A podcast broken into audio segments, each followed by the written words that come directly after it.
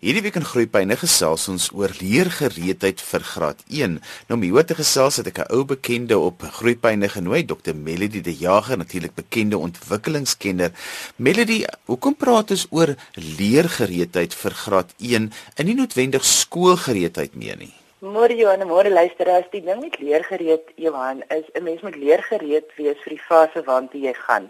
So skoolgereed beteken tipies jy's reg om grootskool toe te gaan. En nou sit daar as graad R deel van grootskool.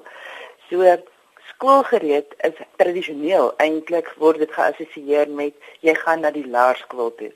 Leergereed beteken jy moet gereed wees of 'n kind moet gereed wees vir die fase wat jy gaan betree. Ek sê nou vinnig kind, maar dit is vir almal van ons. As jou pad is om af te tree, jy moet leer gereed wees om te kan aftree.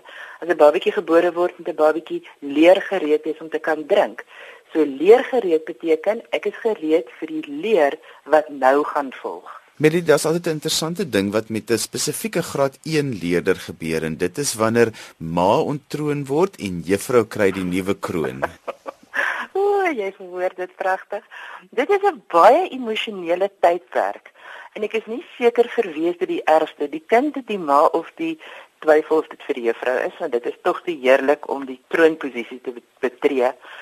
Maar dit is waar want mamma moet oorbodig raak sodat die kind nie wanneer mamma byvoorbeeld vir die kleining skool toe vat, die kind moet kies vir wie kies ek nou my mamma of my juffrou. Dis hoekom kinders baie keer huil as mens hulle aflaai Dit is nie veel skeidingsangs nie. Dis meer asof hulle vir die oomblik interne konflik het oor lojaliteit. So bly ek by my mamma of gaan my mamma sleg voel as ek skielik te veel van my juffrou hou.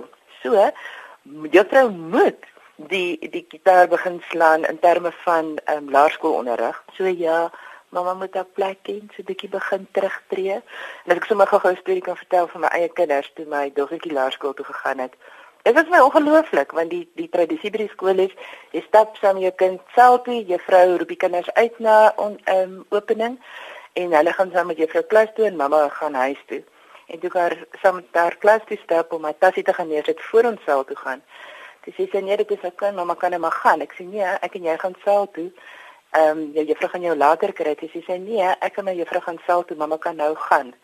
En daar stap die mamma ek met oë vol trane want 'n mens word jy, in Engels you've just been dismissed. Melody, dit is altyd 'n groot ding wanneer 'n kind nou skool toe gaan, maar die realiteit is dat daar soveel kinders is wat nog nie leergereed is nie, juis omdat hulle nog nie genoeg, veral in die wêreld waarin ons deesdae leef met al die tegnologie, konkrete voorwerpe hanteer het en daarmee te gewerk het nie.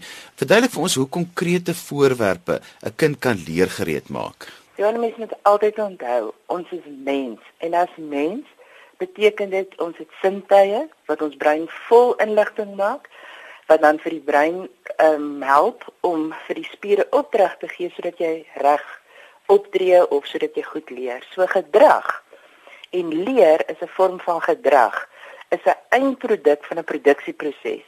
En daai produksieproses begin by die by die kwaliteit sensoriese inligting wat jy inneem.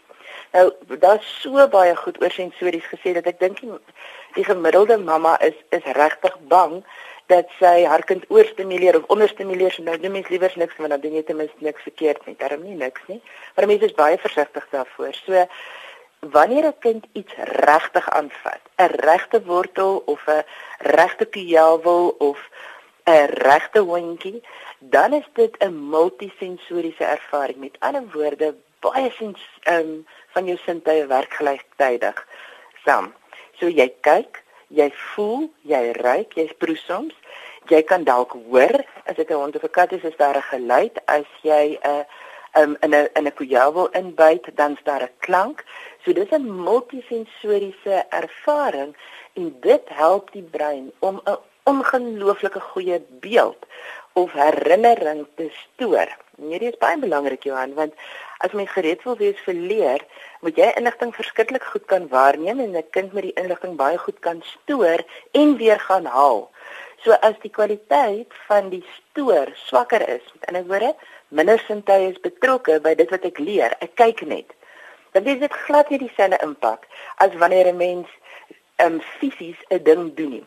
Is nou maar 'n voorbeeld kan gee. Ek was onlangs in Barcelona gewees en in die wonderlikste voorreg gehad om 'n dag vry te hê en het op 'n vroeg in die oggend by 'n môremark uitgekom.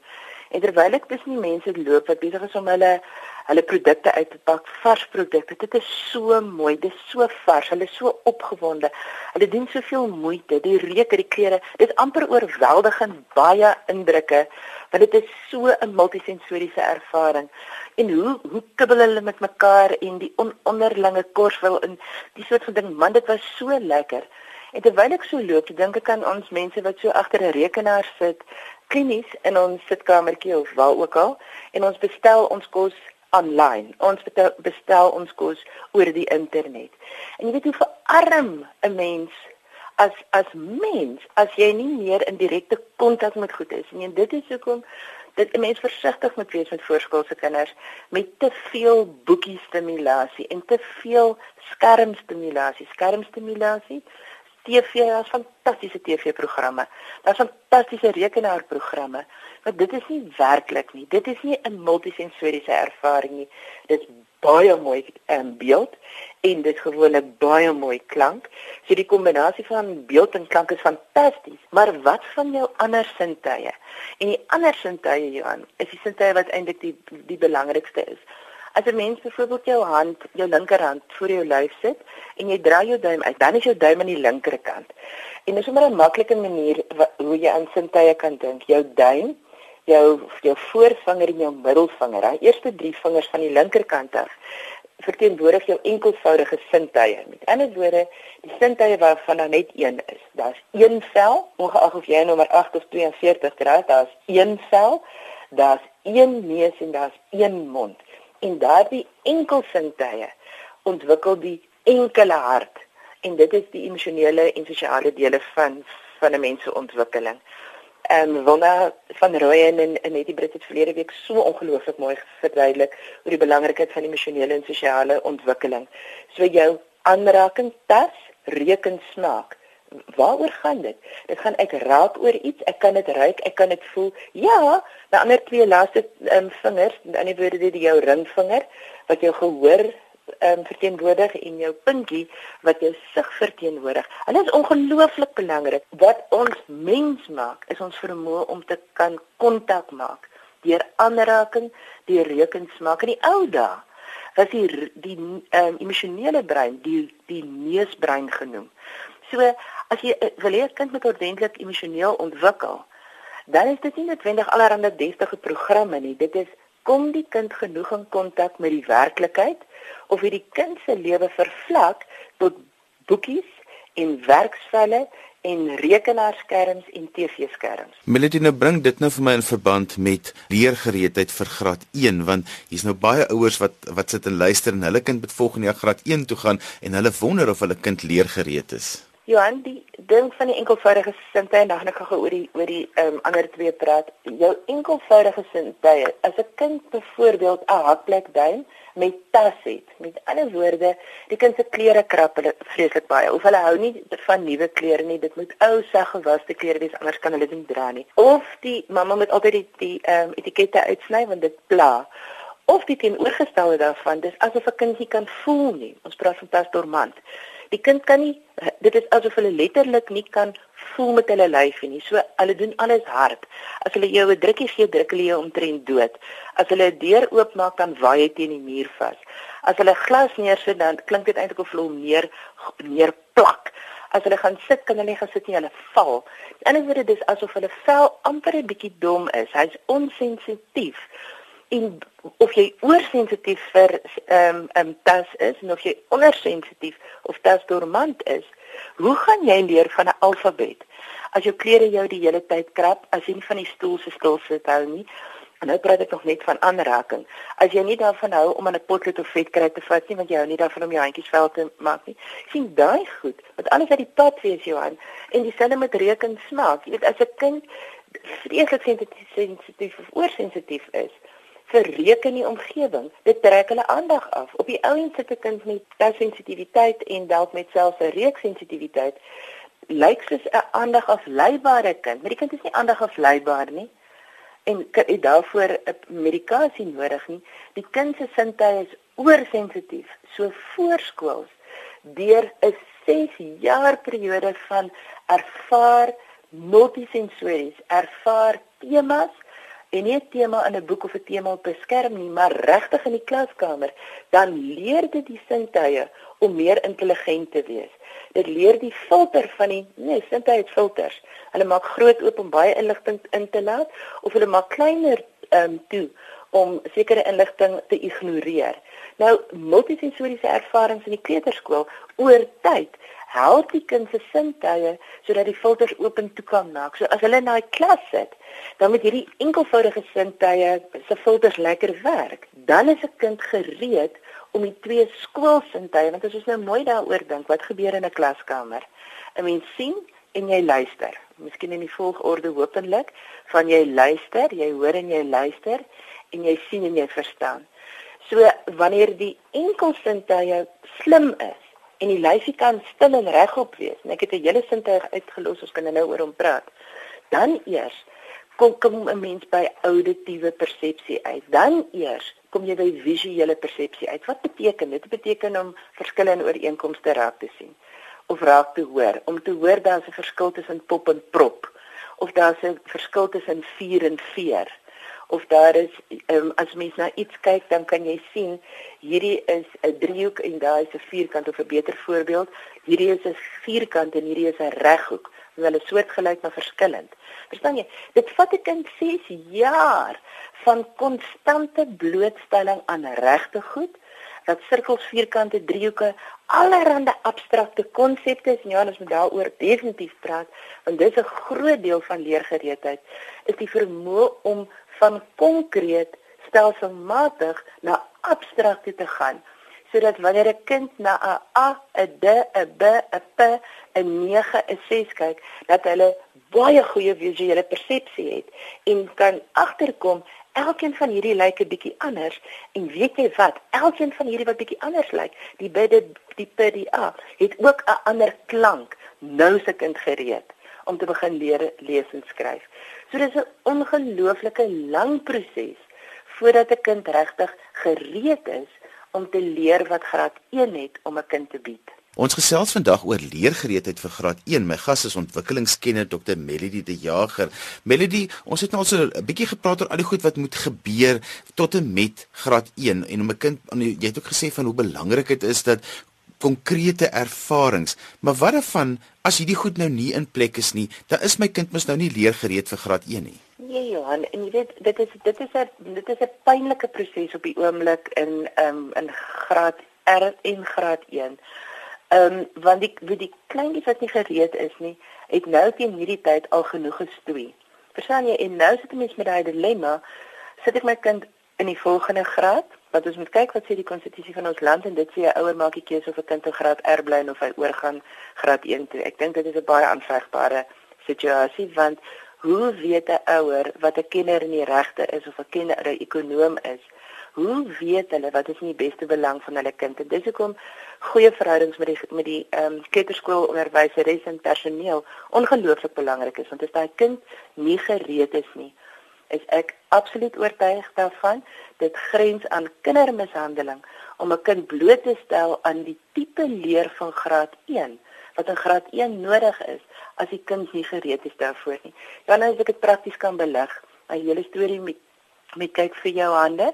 So met ander woorde, hou beide jou hande reguit oop voor jou, palms na jou toe dan beteken die voorskoolse jare daai konkrete leer, multisensoriese leer met geweldig baie beweging. Ons nog nie eens van beweging as 'n sintuig gepraat nie, want dit is is ook 'n deel van die sintuig.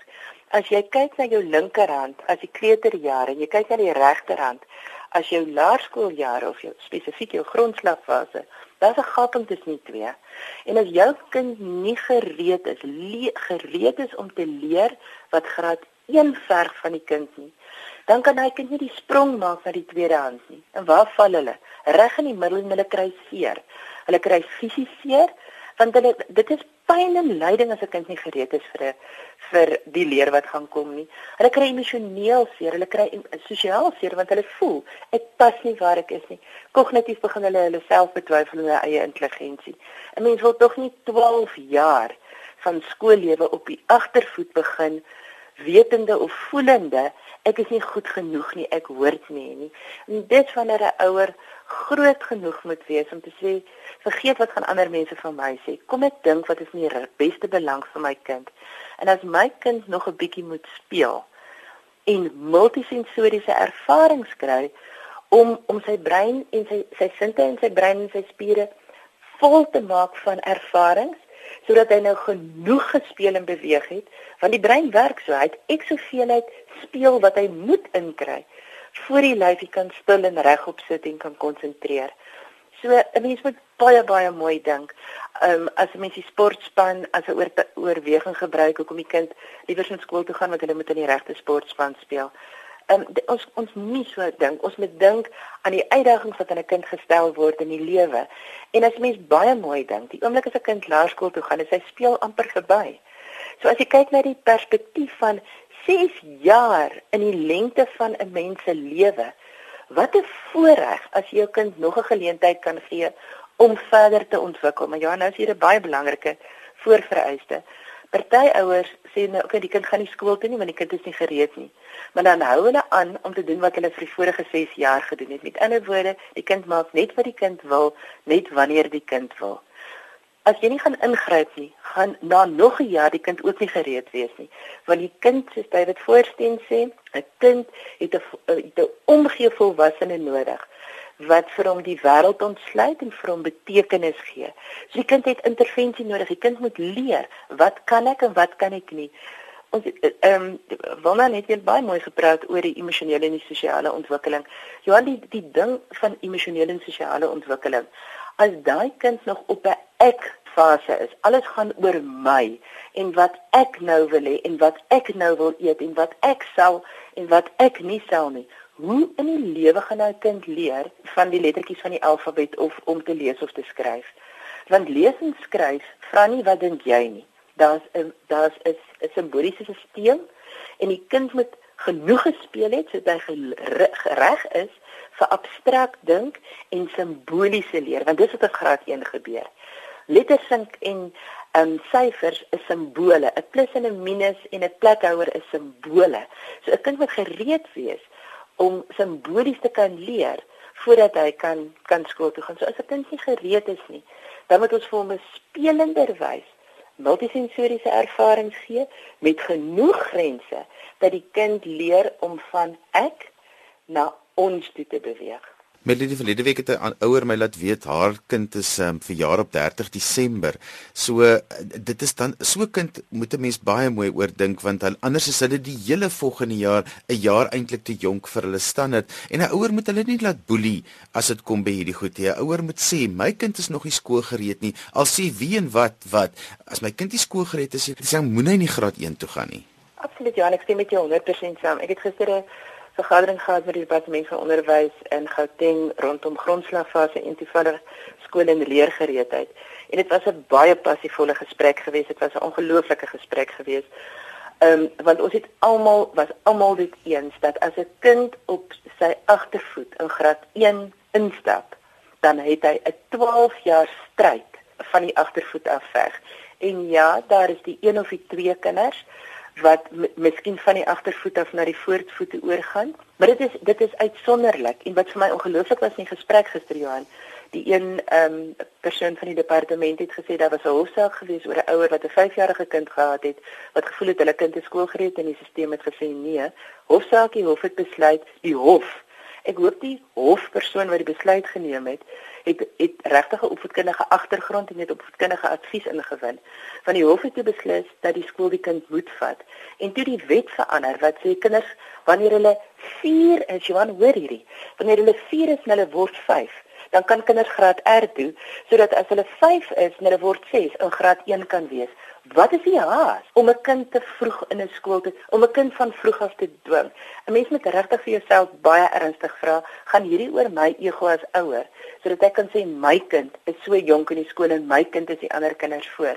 Wat ook tydens die gesprek uitgekom het, was een van die persone van die departement het 'n storie vertel van haar eie dogter wat op aanbeveling van die kleuterskool alhoewel die die dame 'n kleuteronderwyseres was, maar sy is ook 'n ma In aanbeveling van die kleuterskool het die persoon toe na haar dogtertjie in graad 1 gesit toe die kind net 5 jaar oud was. Die mamma wou nie maar die skool het gesê jou kind is gereed jy gaan jou, jou kind onderrig aandoen as jy nie haar nou in die skool sit nie.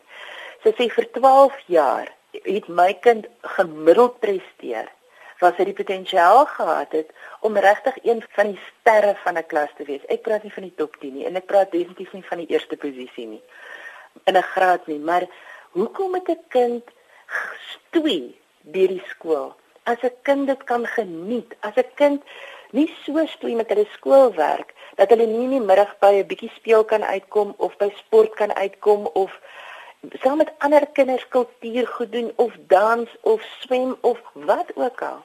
'n Mens moet baie mooi daarna kyk of as 'n kind in Desember gebore is, is letterlik 'n babietjie um, in vergelyking met die met 'n kind wat in Januarie van dieselfde jaar gebore is. Maar oor ons praat nou van 20 um, 2010 kinders. Kinders wat in 2010 in Januarie gebore is en kleintjies wat in 2010 in Desember gebore is.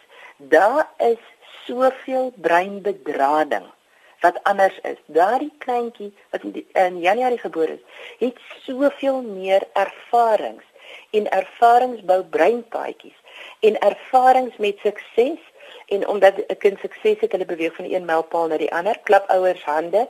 Dit dit bou die selfbeeld soos wat jy nie kan glo nie. So die tyd wat daai Januarie babatjie dan 'n jaar oud is, hoe kan ons daai kind vergelyk en in dieselfde klas sit met 'n kind wat nou net ge, net pas gebore is? Ons moet mooi dink. Johan en partykeer, dit 'n kind in Januarie gebore, maar hulle is op 32 weke um, swangerskap gebore. Daai kind begin ook op 'n agterstand want daai kleintjie het 8 weke van wonderlike ideale in utero kondisies, die perfekte plek vir die baba om te ontwikkel en as mens gaan kyk um, op, op op die internet hoe ongelooflik ontpop die die brein in die laaste paar maande van swangerskap. Hoeveel meer voue hoekom kry die brein voue dit is wanneer die brein ontwikkel kry hy al hoe meer voue dit is hoekom fetale alkoholsindroom so verskriklike ding is van die brein het baie minder voue as iemand wat fetale alkoholsindroom het as iemand wat 'n normale swangerskap en daarom 'n normale ontwikkeling het.